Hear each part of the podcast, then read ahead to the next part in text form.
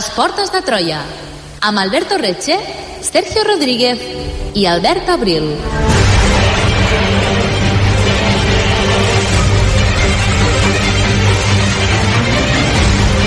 Quan pensem en la Segona Guerra Mundial, ens venen al cap imatges de batalles, de trinxeres, de bombardejos, de carros armats.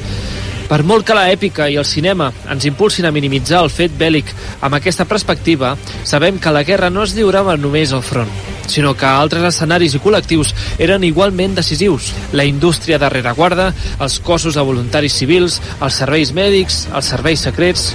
Aquesta setmana fixarem la nostra mirada en un d'aquests col·lectius que lluitava la guerra irregular, la SOE, la Direcció d'Operacions Espacials del Regne Unit, que va operar entre els anys 1940 i 1946. En quin context va néixer la SOE? Què pretenia Churchill amb la creació d'aquesta organització? Com era el procés de reclutament dels agents? Com era la seva formació i entrenament? Com anaven equipats a les missions? Avui, a les portes de Troia, ens endinsarem a una de les organitzacions de serveis secrets més influents del segle XX. Benvinguts als serveis secrets britànics.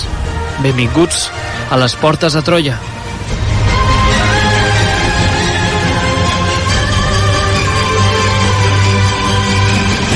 Benvingudes una setmana més a les Portes de Troia, el programa de ràdio d'història de la xarxa de comunicació local des dels estudis de Ràdio Castellar. Aquesta setmana parlarem del PSOE, no del PSOE. Del PSOE? No Segur? del PSOE. La Direcció d'Operacions Especials del Regne Unit. Després parlarem. Ho farem avui amb, els nostre, amb el nostre historiador capçalera, Albert Abril. Benvingut. Hola, com anem? I avui per parlar d'aquest tema molt especialment ens acompanya la Maria Martínez, ella és graduada en Història per la Universitat Autònoma de Barcelona i màster en Arxivística i Gestió Documental i actualment és arxivera eh, treballant en actiu, diguéssim. Benvinguda, Maria. Hola, bona tarda. Bueno, doncs això de SOE què és? De què parlarem avui, Maria? Doncs bé, avui, primer de tot, ens hem de situar a nivell cronològic a la Segona Guerra Mundial, concretament a Gran Bretanya, ja que és allà on va néixer aquest PSOE, Special Operative Executive, o Executiu d'Operacions Especials, que era un organisme creat per Winston Churchill per dur a terme accions subversives als països ocupats per l'Alemanya nazi.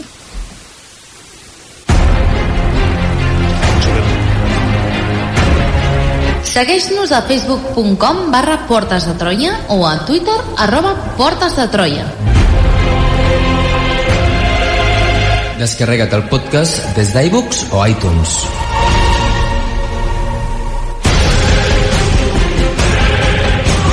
I descobreix tots els continguts del programa a la nostra pàgina web www.portesdetroia.cat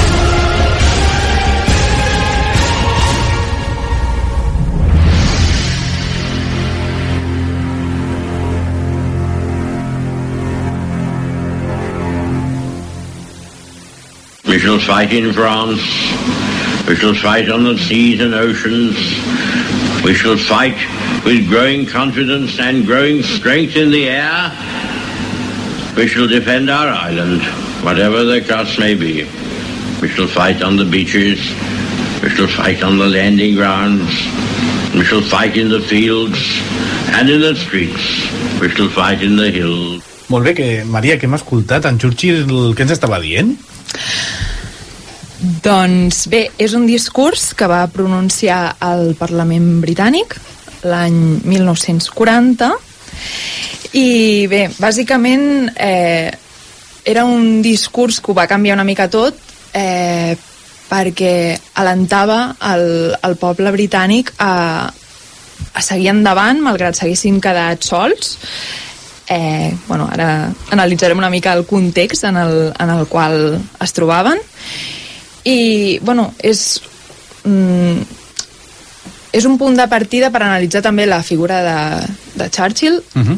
perquè va ser l'abanderat de, mm, de la resistència britànica de, això, d'alentar el poble que malgrat s'haguessin quedat sols eh, quedar-se sols no implicava estar derrotats aquest és el missatge Uh -huh. i s'havia de seguir endavant Molt bé, doncs com tu bé dius, es, hem escoltat aquest, aquest discurs famós de Churchill, perquè després entrarem en matèria, però primer de tot, els nostres oients molt acostumats a parlar d'història antiga o d'història medieval, a vegades si entrem en història contemporània ens hem d'ajudar per parlar una miqueta més del context. I per tant, eh, Maria, entrem, context, Segona Guerra Mundial, quines quatre coses hem de saber per, per entrar en, en matèria?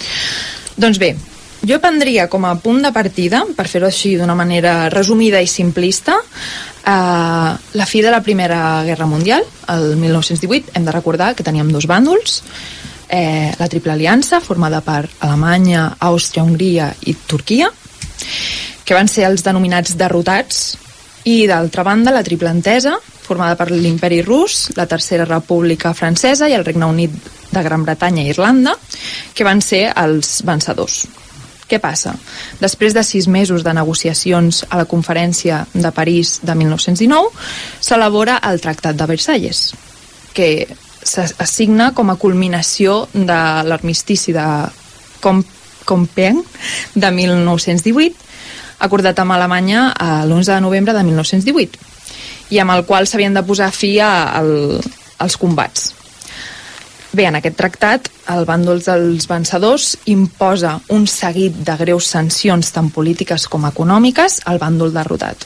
Però centrant-nos en Alemanya, que va ser amb qui més es van ensenyar, eh, se li imposen la pèrdua de territoris colonials, els enclavaments europeus d'Alsàcia Lorena, pagament d'elevades sumes perquè se'ls va considerar, considerar perdó, els vertaders culpables de la guerra, i a més van patir una retallada del poder militar brutal i tot això unit a la crisi que havia deixat enrere el crac del 1929 que també hi havia altres factors com per exemple eh, els governs fracassats de la República de, de Weimar la bancarrota absoluta perquè hem de recordar que Alemanya va patir hiperinflació, o sigui, per prendre't un cafè havies d'anar amb una maleta carregada d'un milió de, de, de francs perquè la, la moneda anava fluctuant i, clar, tot això genera una convulsió social i política que finalment conduirà al triomf del nacionalsocialisme, el triomf de Hitler, i com a última conseqüència doncs, acabarà en, en aquest conflicte bèl·lic. Que diguem que l'esdeveniment clau que, que és com el tret de sortida, diguéssim, de la Segona Guerra Mundial va ser l'ocupació de Polònia per part d'Alemanya l'1 de setembre de 1939 i per tant el 3 de, de setembre es declara la guerra a Gran Bretanya i França. I altre cop doncs tenim dos bàndols els estats aliats, formats inicialment per Gran Bretanya, França, Polònia, Canadà, Sud-àfrica, Austràlia i Nova Zelanda, i d'altra banda doncs, les potències de l'eix formades per Alemanya, Itàlia i l'imperi del Japó. Jo no sé si us passa també, però sempre que surt Nova Zelanda en alguna guerra, m'imagino els hobbits anant a lluitar a la Segona Guerra Mundial, però, uh, però bé.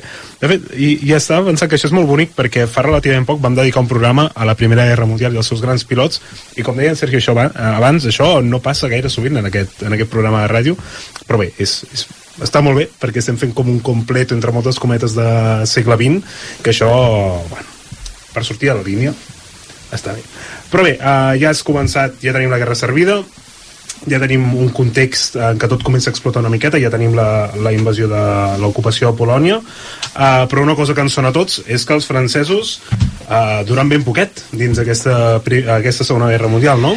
Doncs sí, no van durar gaire, perquè el 1940 França és envaïda per l'exèrcit alemany amb un pla dissenyat per Erich von Manstein, que consistia a treure els exèrcits aliats cap als Països Baixos per tal que col·laboressin amb la defensa i, mentrestant, les forces blindades atacarien la zona de les Ardenes entre Namur i Calment, arribant al canal de la Màniga i rodejant així l'exèrcit francès.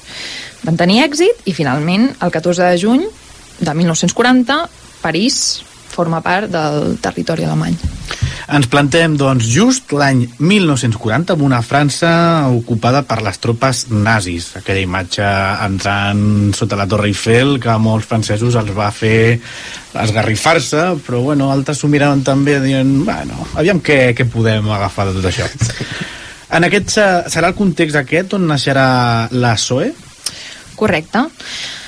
Al juliol de 1940 es van complir 10 mesos des de que Gran Bretanya havia declarat la guerra a Alemanya.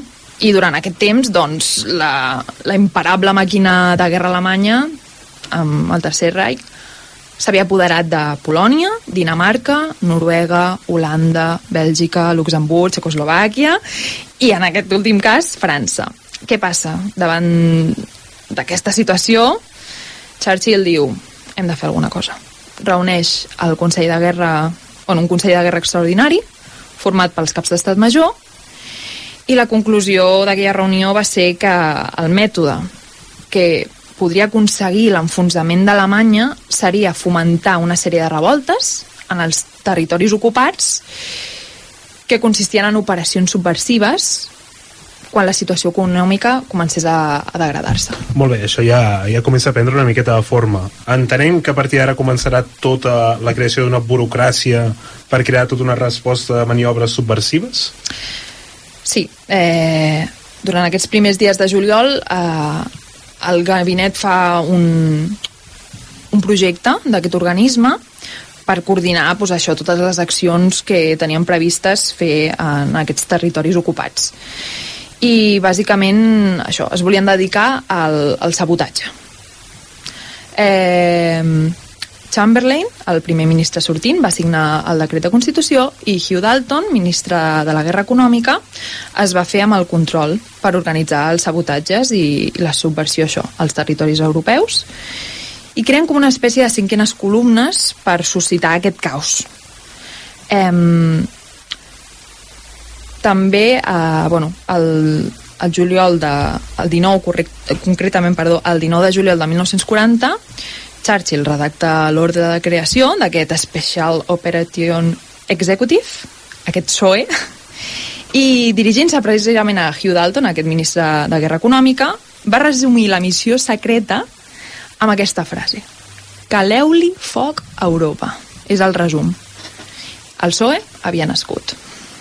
Uh, fantàstic, ja tenim la creació d'aquesta organització. Uh, M'agradaria remetre'm 3 segons a l'expressió que has utilitzat de, de la quinta columna, no? de la cinquena columna, que és una expressió que té el seu origen a la, bueno, la Guerra Civil Espanyola i que precisament uh, crec que l'altre dia o fa molt poc el pr propi Putin ha fet servir l'expressió de quinta columna per referir-se a la guerra Ucraïna entre, entre Ucraïna i Rússia i sembla mentida que un concepte inventat a la península ibèrica de l'any 36, 37, 38 o, o 39 eh, hagi arribat a utilitzar-se no, en un context del, del segle XXI per un personatge com, eh, com seria aquest. Però bé, després d'aquest apunt, que, bueno, que simple, si, si més no, mi m'ha semblat com supercuriós, eh, per recapitular una miqueta, ara ja ens has explicat una miqueta, eh, ja ens has explicat molt bé quan es va fundar, quins papers es van signar i tot, però quins van ser els motius que van impulsar a Churchill per fundar aquesta organització? Doncs bé, altre cop agafaré aquest fragment que hem sentit de, de discurs de, de Churchill, eh, pronunciat això al, al Parlament Britànic el 4 de juny de 1940, que mm, aprofito la benentesa per traduir-ho, uh -huh. el que hem sentit, deia, lluitarem a França, lluitarem pels mars i els oceans, lluitarem amb una confiança creixent i amb una força creixent en l'aire, defensarem la nostra illa, sigui com sigui, Lluitarem a les platges, lluitarem als aeròdroms, lluitarem als camps i als carrers, lluitarem als turons. Mai no ens rendirem. Com us deia abans, eh, Churchill és un abanderat de la resistència britànica i ell tenia molt clar que, que es mantindria ferm en, en la negativa de considerar una derrota i una rendició. I, de fet, Churchill és un personatge que inspira certa por a Hitler. Eh, I aquest missatge doncs, cala molt en la resistència britànica. Mai es van portar bé, evidentíssimament, no. No? però el que està clar és que, home, Churchill és un, és un, és un gos, és un perro viejo, que diríem, no? L'expressió... Chochea. Sí. Eh, chochea un poco. A més, no hem d'oblidar que eh, tenia una experiència militar prèvia, perquè per una banda va fer carrera militar com, bueno, com la majoria d'homes en aquella època, però clar, no hem d'oblidar que se'l coneix per ser responsable del desastre dels Dardanels al 1915, durant la Primera Guerra Mundial. I això li va costar el seu càrrec de primer lord de l'Almirallat i quan se l'anomena primer ministre és que no tenia tenia poc, per no dir gairebé gens, crèdit polític. El van agafar al final com, com un cap de tour, per dir-ho d'alguna manera, i, i bueno, ell trenca amb tot el, el que tenia pensat, diguéssim, al, al Parlament britànic. Eh, I, bueno, ell tenia molt clar el que havia de fer, no recular ni un pam, sinó tot el contrari, estava disposat a fer tot el que calgués per, per seguir lluitant contra el nazisme. Perquè això, per ell, malgrat mitja Europa estigués ocupada, que estigués ocupada no significava que estigués vençuda. I el seu parer era que calia mantenir o continuar la guerra a Europa i la millor manera era dur a terme aquesta guerra irregular. Molt bé, doncs abans d'endinsar-nos en aquesta història de la SOE, estaria bé definir un concepte que acabes de, que acabes de mencionar, aquest de guerra irregular. Què, què hem d'entendre per això? El concepte de guerra irregular, a diferència de les guerres convencionals, fa referència al modus operandi utilitzat per una de les parts bel·ligerants o bàndols de, de guerra. Normalment l'acostumava a fer servir el bàndol més dèbil, diguéssim, el que menys mm, possibilitats de victòria tenia, i consisteix en això, en atacs sorpresa, tàctiques de guerrilla, terrorisme, bàsicament, pur i dur, per poder assolir un objectiu polític. I aquest és precisament el modus operandi que, que fa servir Winston Churchill amb el seu executiu d'operacions especials.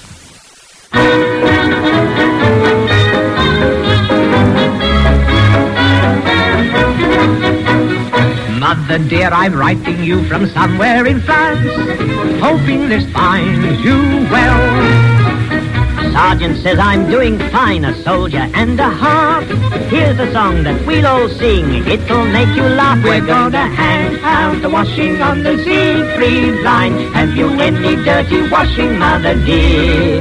We're gonna hang out the washing on the Siegfried line, cause the washing day is here.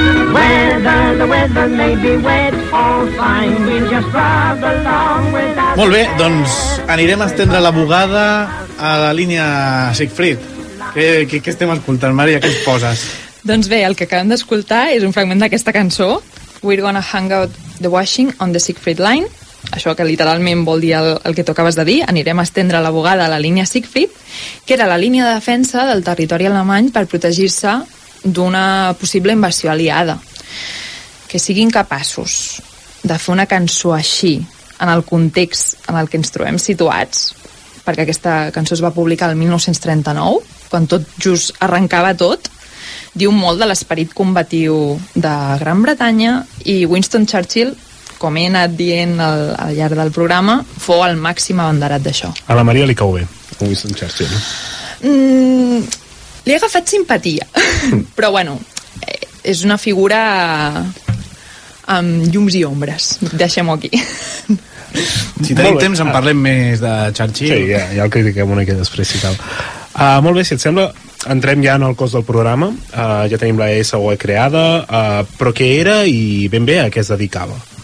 Bé, com hem dit, l'Special Operation, Operations Executive, SOE, bueno, l'operatiu de, l'executiu d'operacions especials, perdó, va ser una unitat secreta de l'exèrcit britànic eh, formada, com hem dit això amb anterioritat, al 1940 per ordre del primer ministre durant la Segona Guerra Mundial.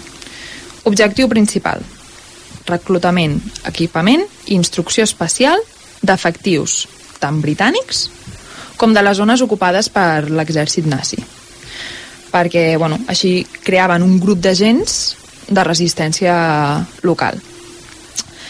S'encarregaven de donar suport als grups d'intervenció de les diferents forces especials, encarregades d'operacions especials ja, com per exemple la Royal Marines Commandos i el Special Air Service britànics, però també s'encarregaven d'executar aquestes actuacions d'espionatge, sabotatge i, i en alguns casos de guerra de guerrilles. La resposta més immediata dels britànics davant la imparable ofensiva alemanya amb la necessitat de potenciar la intel·ligència militar i la guerra irregular. Van actuar a molts dels països envaïts per, per l'Alemanya nazi, però on van centrar el focus principalment va ser a França. Molt bé, després entrarem una miqueta més en, en, la, seva, en, la, en la seva activitat, però nosaltres, si volguéssim formar part d'aquesta organització, on ens hauríem d'anar a matricular? Aviam. Doncs és un punt molt interessant, perquè ara ho veurem. En principi, la seu principal eh, es va situar a l'hotel Sant Hermin, a Caxton, Caxton Street número 4, però com anaven una mica justos d'espai, es van haver de traslladar. A on? Aquí ve lo important. El Departament de Guerra els va negar els seus edificis, però a la tardor de 1940 uns homes de negocis van posar a la seva disposició un immoble al 62-64 de Baker Street, que suposo que us sonarà, ja que Conan Doyle va fer famós amb la seva inigualable obra de Sherlock Holmes. Uh -huh. I, de fet, us convido a mirar per Google Maps aquesta adreça, perquè mm, si ho mirem, eh, el 62-64 d'aquest indret, avui dia hi ha una placa on posa SOE, Special Operations Executive. No, sé, no sé si això el, el, el Josep Luis Martín Berbois ho sap, això. El fanàtic de Sherlock. De Sherlock, és veritat. Eh, el convidat uh, habitual del nostre programa, que, que és un de, dels fanàtics de Sherlock Holmes d'aquí de Catalunya. Li direm per si no ho sap. Jo crec sí. que sí que ho sabrà, eh? Però no, no Bueno, però és, inter és, és superinteressant. Jo, de fet, crec que anaves a dir, us convido a anar a Londres a veure aquesta placa. També, també. Això sempre. Però bueno, doncs ja ho podem veure per l'Street View.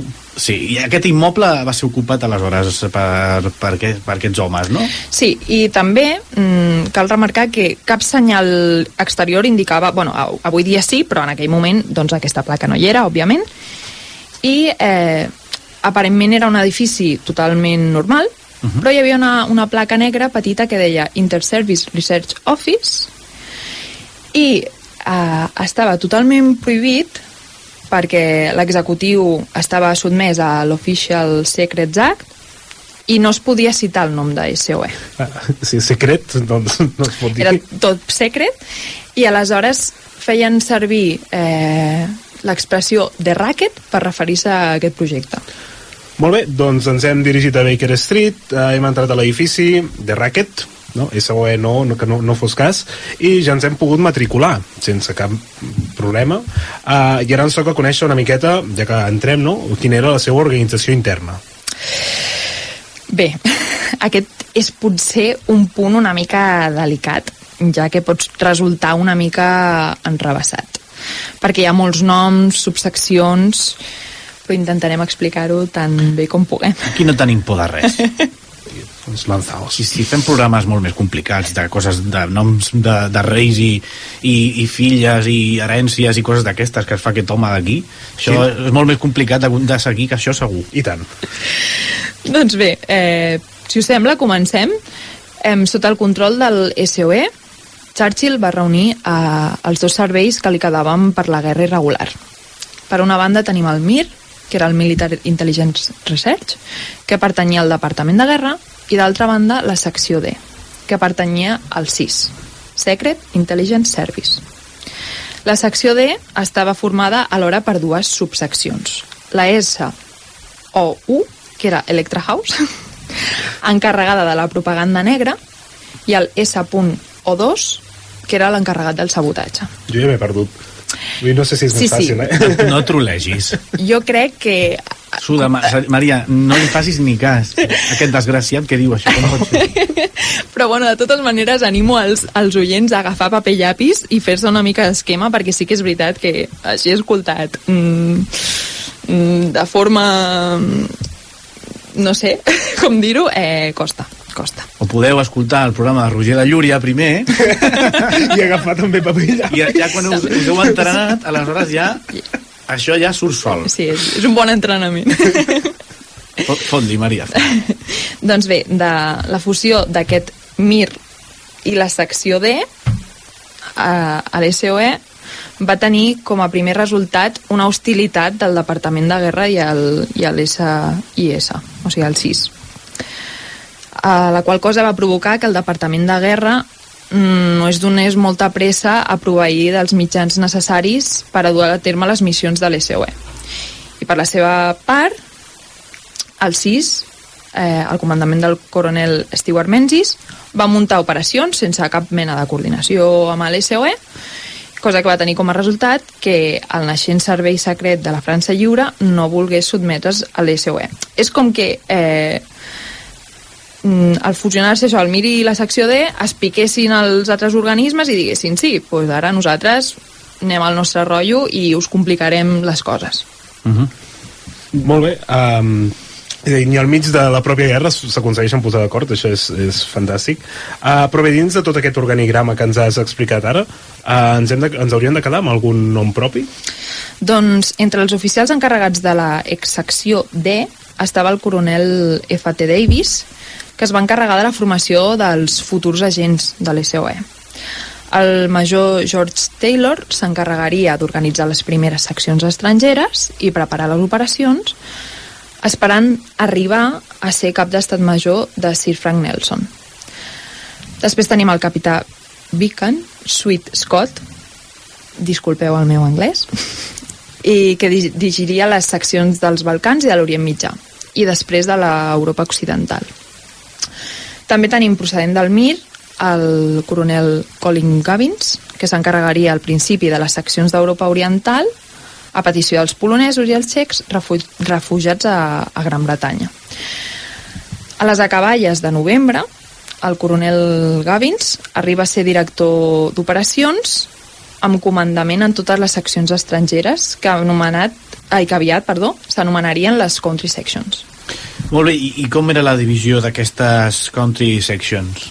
Doncs les country sections estaven dividides en la secció F, que era França ocupada, secció RF, que era França lliure, secció EU barra P, que eren polonesos a França, la secció N, Holanda, secció T, Bèlgica, secció O, Noruega, i per últim la secció C, que era Txecoslovàquia. Molt bé, nosaltres ja hem anat una mica pel morro a la SOE per matricular-nos, però realment eh, com es reclutaven els agents? Quin, quins perfils es buscaven de persones? Sí, després d'aquest rotllazo, per entendre una mica com funcionava internament la SOE, que, a veure, que és un punt interessant i que és, és necessari conèixer, però ara entrem en, en la matèria que, que Ara, realment ens ara, ara. interessa. I en la majoria dels casos, la principal qualitat que requeria d'un agent era un coneixement profund del país en el qual anaven a operar bàsicament per dur a terme totes aquestes accions subversives. I especialment, una de les coses més valuoses també era l'idioma. Si la gent anava a fer-se passar per nadiu del, del país, precisament. La doble nacionalitat era un atribut preuadíssim. O sigui, Si tenies doble nacionalitat, o sigui, estaves dins. estaves dins. Estaves dins segur. Que no passi com a Malditos Bastardos, a l'escena aquella que en, qui és en Brad Pitt parlant italià. Ostres, ja. meravellosa. La caga, bueno, eh, és extremadament... Eh, correcto. Això, a més, els, els gestos amb la mà. Sí, sí. doncs sí, sí. Aleshores, això, la doble nacionalitat, això, un factor preuadíssim.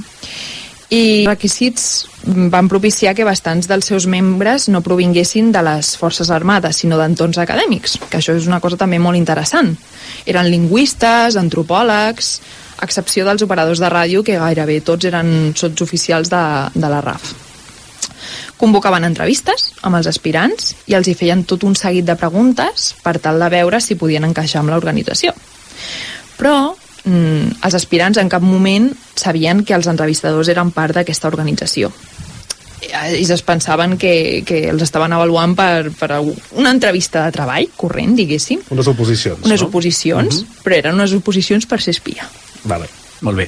Doncs eh, ja estem dins, eh, tenim un perfil inigualable, doble nacionalitat, catalana i espanyola. Fantàstic. Meravellós. És la millor doble nacionalitat que pots tenir. Quina formació ens espera a partir d'ara? Perquè segur que això no seria de pas sucat amb oli.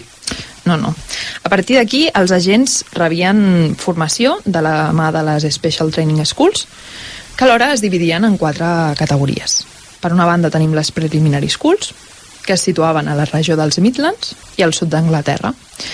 Les Rowing Schools, que eren les escoles d'enduriment, instal·lades a Inverness-shire, a Escòcia, on s'entrenaven també els SAS, el Servei Aeri Espacial, i després passaven a l'escola de salts, de Ringway, i per últim acabaven la seva formació a les escoles d'especialitats, denominades Special Finishing Schools, ubicades a New Forest.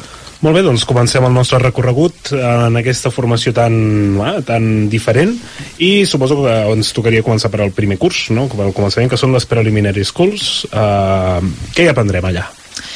Doncs aquestes escoles estaven dirigides pel coronel Roger de Weslow i els alumnes en aquest primer pas eren classificats segons la seva nacionalitat i cada country section disposava d'una escola. Per què? Això era un factor molt important per evitar-se problemes de comunicació per l'idioma. És a dir, doncs, si tu eres polonès, doncs et portaven a la country polonesa, diguéssim, i així, doncs, com tots eren polonesos, s'entenien.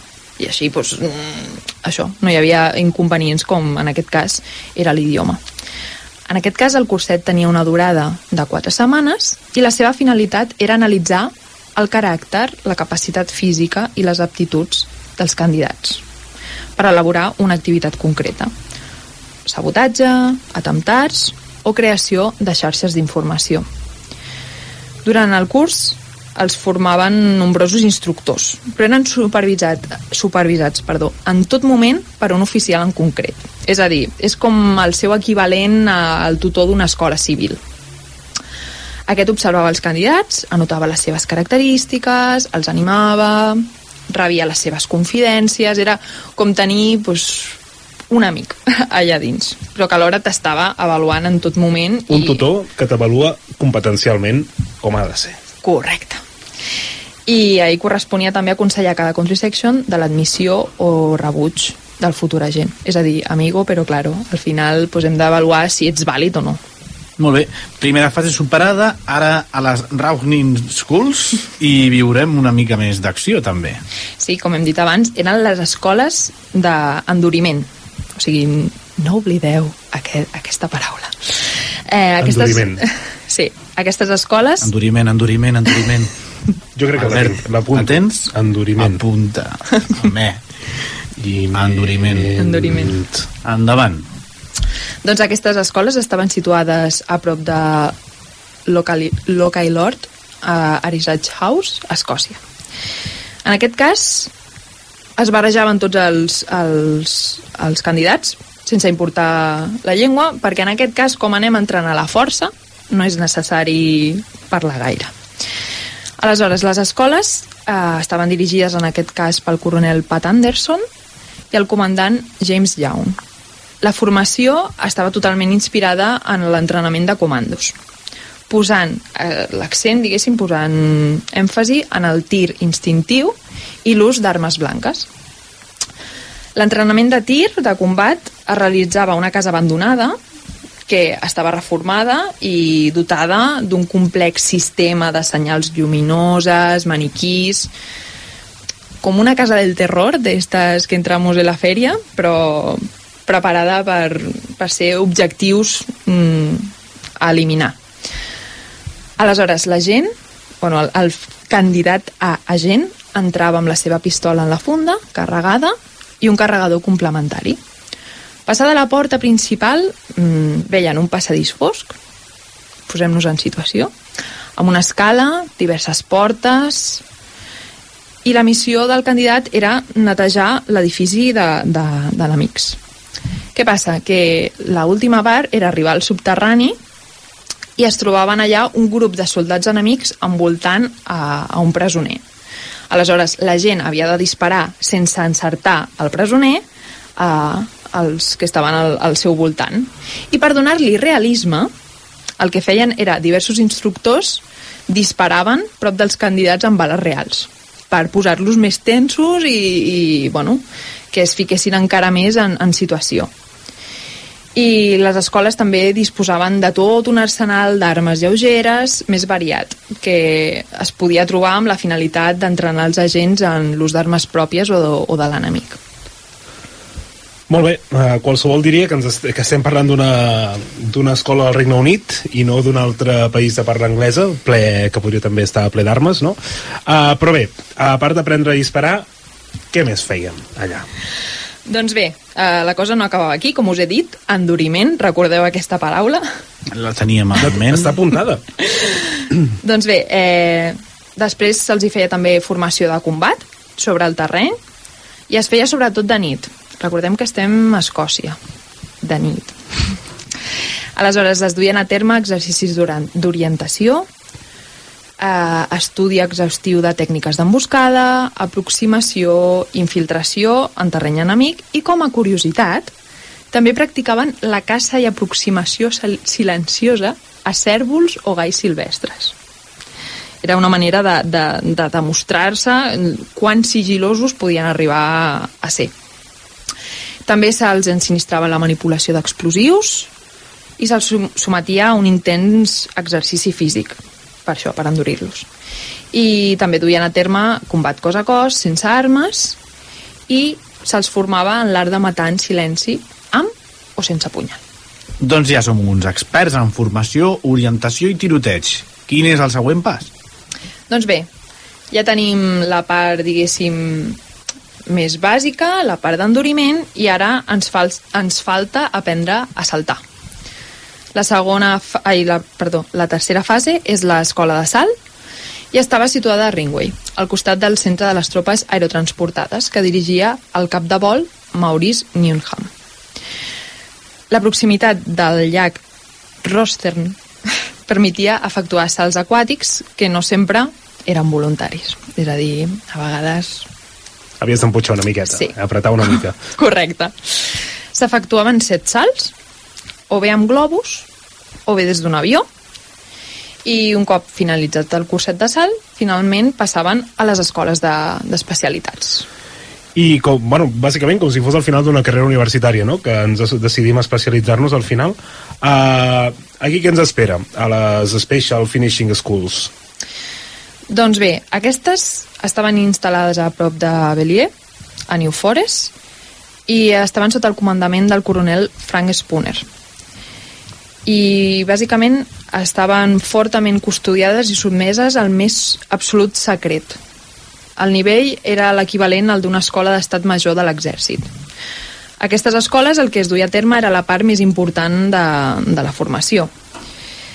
Els futurs agents eren presentats a l'oficial tutor i el seu ensinistrament era totalment individual. O sigui, fins, a, fins ara ens hem trobat amb una, una formació col·lectiva, per dir-ho d'alguna manera, però a partir d'aquí ja és una, una instrucció totalment individual.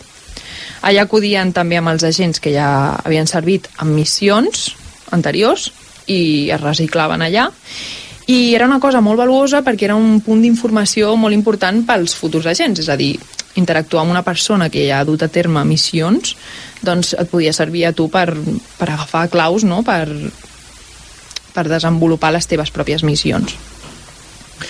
Molt bé, i en tots aquests cursos eren molt, paraula de moda, competencials, del gust del senyor Cambrai?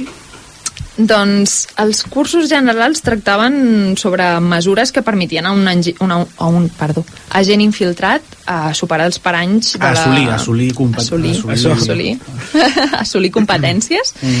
A, això, a infiltrats a, amb èxit a, a evitar paranys de la policia enemiga, com trobar un refugi, organitzar enllaços, despistar un perseguidor, ut- utilitzar claus, tintes invisibles, camuflatge de documents, etc.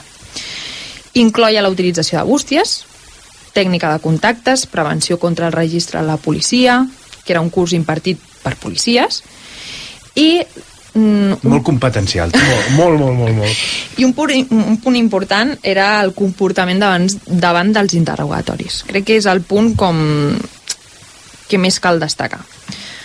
Perquè mm, aquests últims, o sigui, agafaven els agents i els sometien a, a interrogatoris amb total veracitat.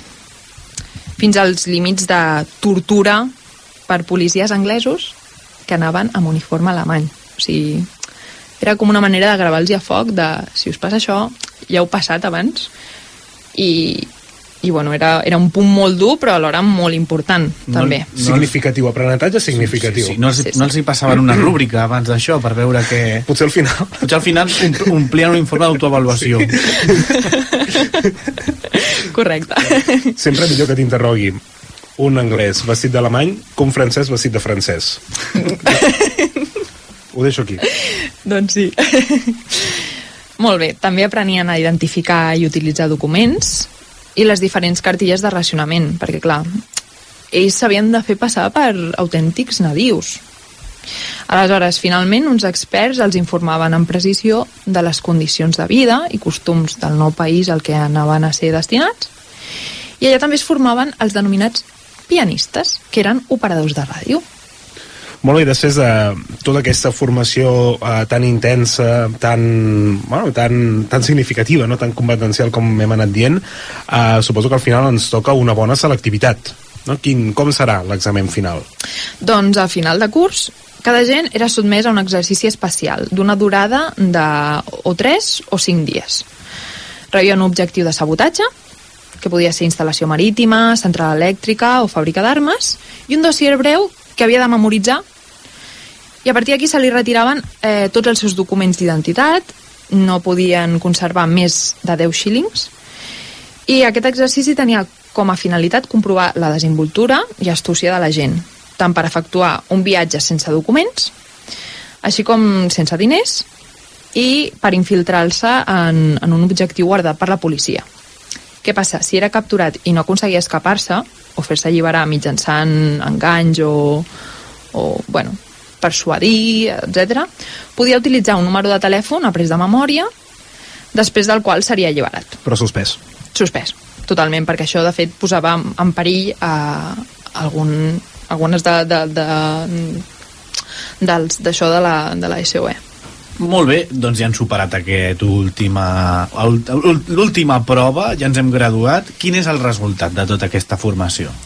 Doncs a partir d'aquí ja tenim un agent perfectament format i preparat per dur a terme les missions rere les línies enemigues.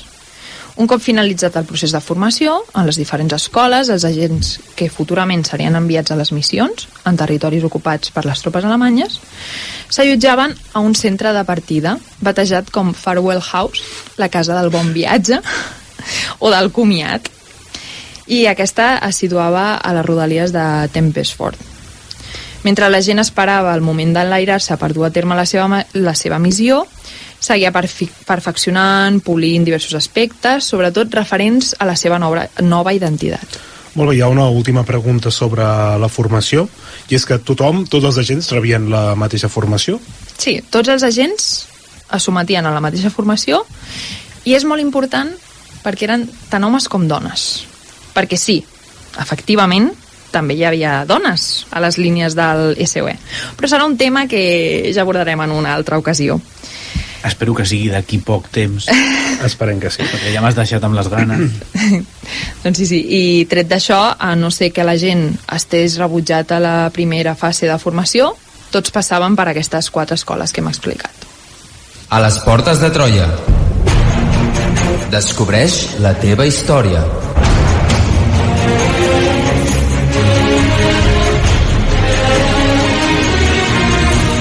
Troba'ns a facebook.com barra Portes de Troia i a Twitter arroba Portes de Troia.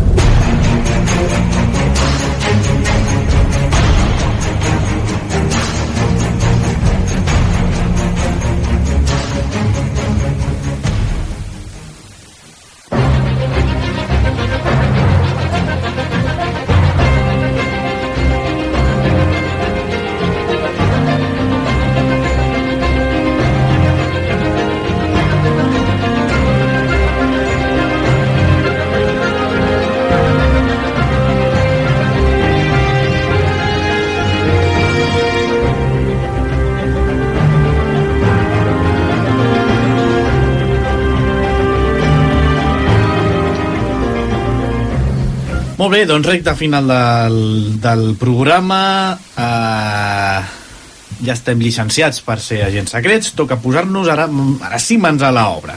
Com ens preparem, Maria, per aquesta primera missió? Quins detalls es tenien en compte? Doncs bé, abans de, de partir, la gent havia rebut el seu country section mitjançant, amb, perdó, amb els mitjans per efectuar la seva missió. És a dir, que ja, com hem comentat abans, podia ser un simple atemptat, sabotatge o la creació d'una xarxa d'informació. i eren molt meticulosos, és a dir, prestaven total atenció a tots els detalls perquè els seus agents es mimetitzessin al complet en funció del lloc on havien estat destinats.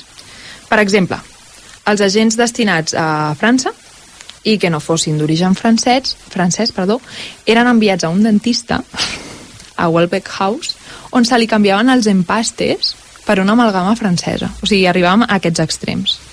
Per què? Perquè, bueno, si tens, causen la desgràcia de que t'interroguen a veure tus empastes Que t'interroga i t'has de fer passar per francès. correcte doble desgràcia doncs bueno, era un punt més no, afegit que, que tenies per fer-te passar per un francès total què passa? Després també els portaven al Science Museum a l'interior d'un magatzem i allà doncs, els agents triaven la roba de, pas, de paisà made in France bueno, ens estem centrant molt en, en, en el tema francès, però hi havia això, més country sections, però en aquest cas doncs, ens hem centrat en, en la francesa.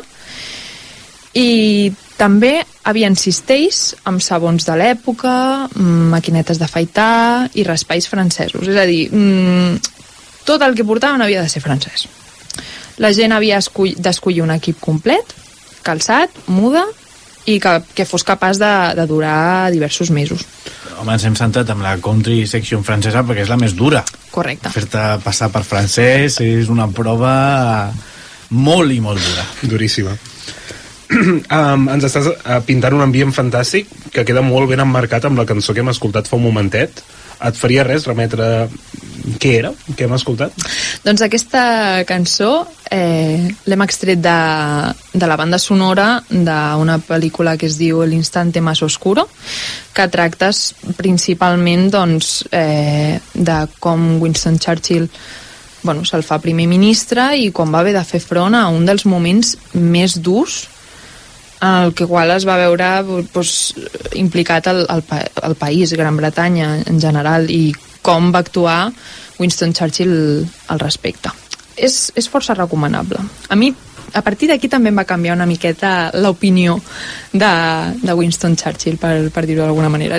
No li tenia gaire estima al principi i aquí li vaig agafar una miqueta més. La mirarem, la, la mirarem. Bueno, en Sergio l'ha vist segur? Sí, sí, sí. A mi jo... em sembla molt recomanable, també. Sí que es pot mirar, sí. Molt bé, doncs sortim del Museu de la, Ciència, de la Ciència amb les mudes franceses a la mà. Com procedim? Doncs després d'això es posaven en contacte amb la gent i assignaven la nova identitat i se l'havia de saber totalment de memòria, perquè, òbviament, una identitat, o sigui, l'has de tenir molt interioritzada, no? Perquè, sobretot el nom i aquestes coses, no? No confondre's. M'estaria bé saber-se el nom una missió secreta. doncs podien passar diversos dies abans de que la gent fos cridat de nou, ja amb la seva nova identitat. I una vegada cridat a files, havia de dirigir-se a dirigir-se a Wimpole Street, on el rebia el seu tutor oficial. Allà se'ls ordenava que es canviessin de roba, per la que, la que prèviament havien escollit al Science Museum, i la gent havia deixat tots els diners i la documentació. I per últim, eren enviats a Tempestford des del lloc on sortirien cap, a, cap al seu nou destí. Molt bé, uh, jo no sé, els oients, però estic esperant uh, impacient a que em doni el maletí ple de materi material típic d'espies. Això existia? Uh, aquesta entrega i tenia lloc durant aquests dies? Efectivament. Un cop arribaven allà, a Tempestford, hi havia altres agents i allà se'ls lliuraven doncs, aquests articles necessaris i bàsics per dur a terme la, la missió. Diners, equips de transmissió, en el cas dels pianistes, que com hem dit abans eren els operadors de ràdio, comprimits de benzadrina pel viatge, per no marejar-se, i dos càpsules de cianur de potassi per suïcidar-se en cas de, de ser atrapats.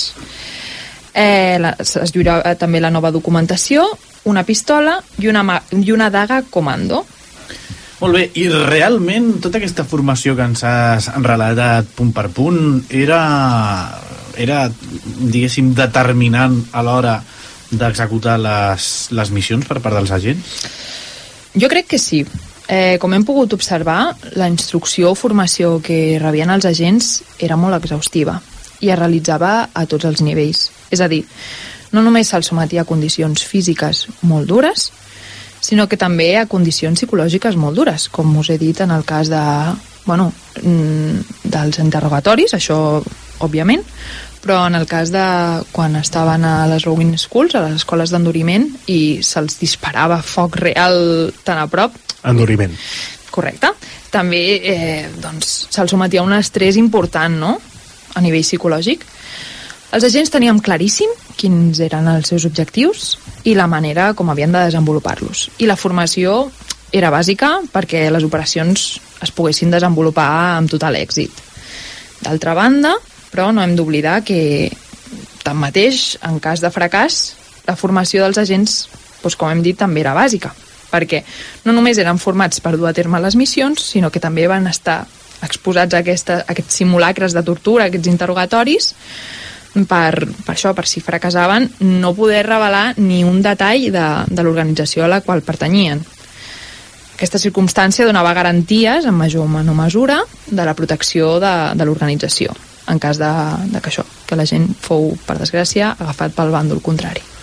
Molt bé, i si, Maria, si haguéssim de fer un balanç de la intervenció de la, del PSOE a la Segona Guerra Mundial i concretament a França, que és en el, en el punt que es, ens estem desenvolupant més, quin seria? La secció F, la França ocupada, fou el departament més important de, de l'SOE, encarregat de dirigir des de Gran Bretanya les missions que, que es durien a terme a la França ocupada pels, pels nazis. Al seu comandament estava Maurice Buckmaster, un membre típic de l'SOE, que malgrat no tenia formació militar, era molt carismàtic i sobretot el que més importava provenia d'una bona família. En un principi tot anava molt bé i les operacions tenien èxit, eh, fins arribats al 1942, quan l'ocupació alemanya va començar a causar estralls en les operacions que, que duien a terme la secció F. Degut a un estat de paranoia dels alemanys que sentien constantment espiats pels agents britànics, cada cop era més complicat desplaçar-se al país francès. Els homes, sobretot els més joves, sovint eren registrats i detinguts. I això doncs, feia més probable la captura dels emissaris. Molt bé, no tenim gaire temps per més, eh, pretenem d'acotar una miqueta el nostre guió d'avui previst, però segurament que en pròximes ocasions podrem abordar el que ens quedi penjant. I l'última pregunta sí que seria, eh, bueno, per fer el tancament de l'SOE, fins a quin any va estar operativa i més o menys quants agents en van formar part?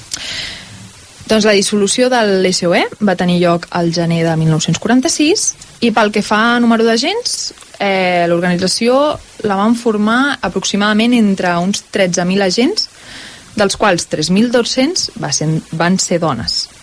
I ja per acabar, com a arxivera que sóc, també aprofito per comentar-vos... Saludem, el... saludem els arxivers, Sí. que so- em consta que ens escolten molts, alguns de bon amic meus, uh, oients de Troia, per tant, aquí tenim ar- arxivers. Podeu venir al programa a fer aquí, a compartir amb nosaltres tota la vostra saviesa, i per tant, aquí la Maria, fixeu-vos, ho fa de puta mare, així que genial, acaba, Sisplau, acaba. sisplau. Correcte, els arxivers dediquem a posar molta llum a la foscor. I bé, això, com, com a arxivera us recomano bueno, que... Bueno, us comento que el govern britànic va desclassificar la documentació del SOE, entre les que figura els noms dels integrants d'aquest servei especial d'operacions i teòricament es poden consultar en línia aquests arxius al catàleg de The National Archives però sense pagar l'únic al que podem accedir és a una previsualització de la documentació i en marques d'aigua. Tot i així, són, en teoria són de consulta pública, així que si us apropeu presencialment, potser podeu ficar el nas entre els secrets d'aquest eh, organisme. Jo personalment m'apunto com a propera visita. Després de, veure- de veure la placa de la SOE. Correcte, primer la placa i després perfecte. els arxius. Doncs fins aquí el programa de les Portes de Troia d'avui. Maria, Mar Maria Martínez, moltíssimes gràcies per venir aquí a les Portes de Troia, explicar-nos aquest tema tan interessant, tan didàctic, com ens has explicat, tot el recorregut que feien aquestes persones que van tenir un paper tan important eh, rere les files, de, rere allò, eh, en papers com el sabotatge i altres, i altres tasques al, al front occidental a la Segona Guerra Mundial. Moltíssimes gràcies. Gràcies a vosaltres, em fa molta il·lusió estar aquí. Albert Abril, moltíssimes gràcies. A vosaltres, moltes gràcies. A l'Adrià Tirado, al control tècnic, moltíssimes gràcies. I qui us ha parlat, Sergio Rodríguez. Nosaltres us esperem, com sempre, al pròxim programa de les Portes de Troia.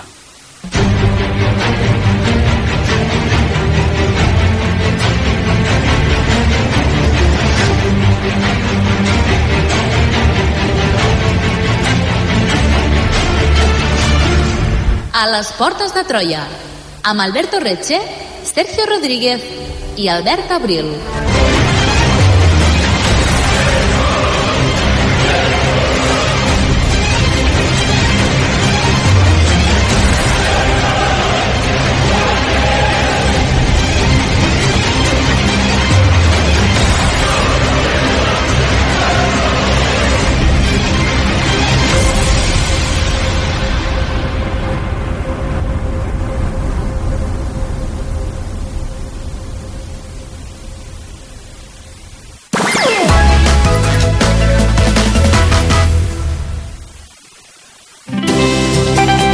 Escolta Ràdio Seu on i quan vulguis.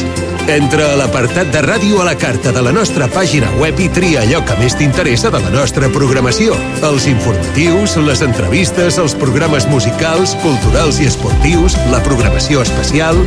On i quan vulguis, Ràdio Seu.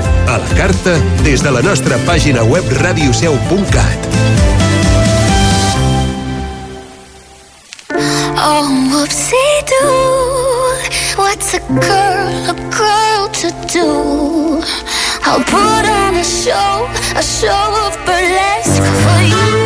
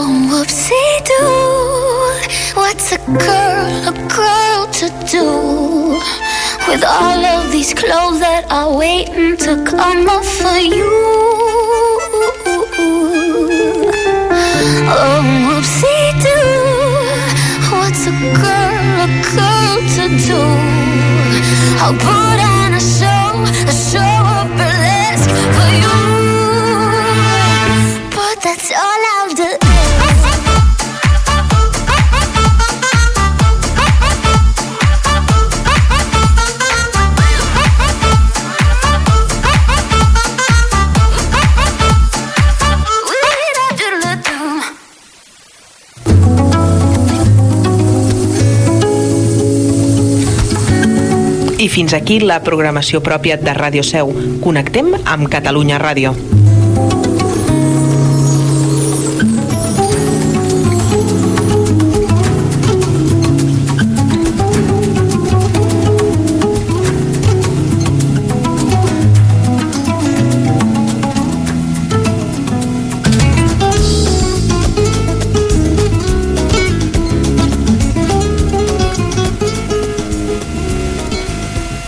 ¿Eh? Ya tenemos un título en la bolsilla y vamos por la segunda.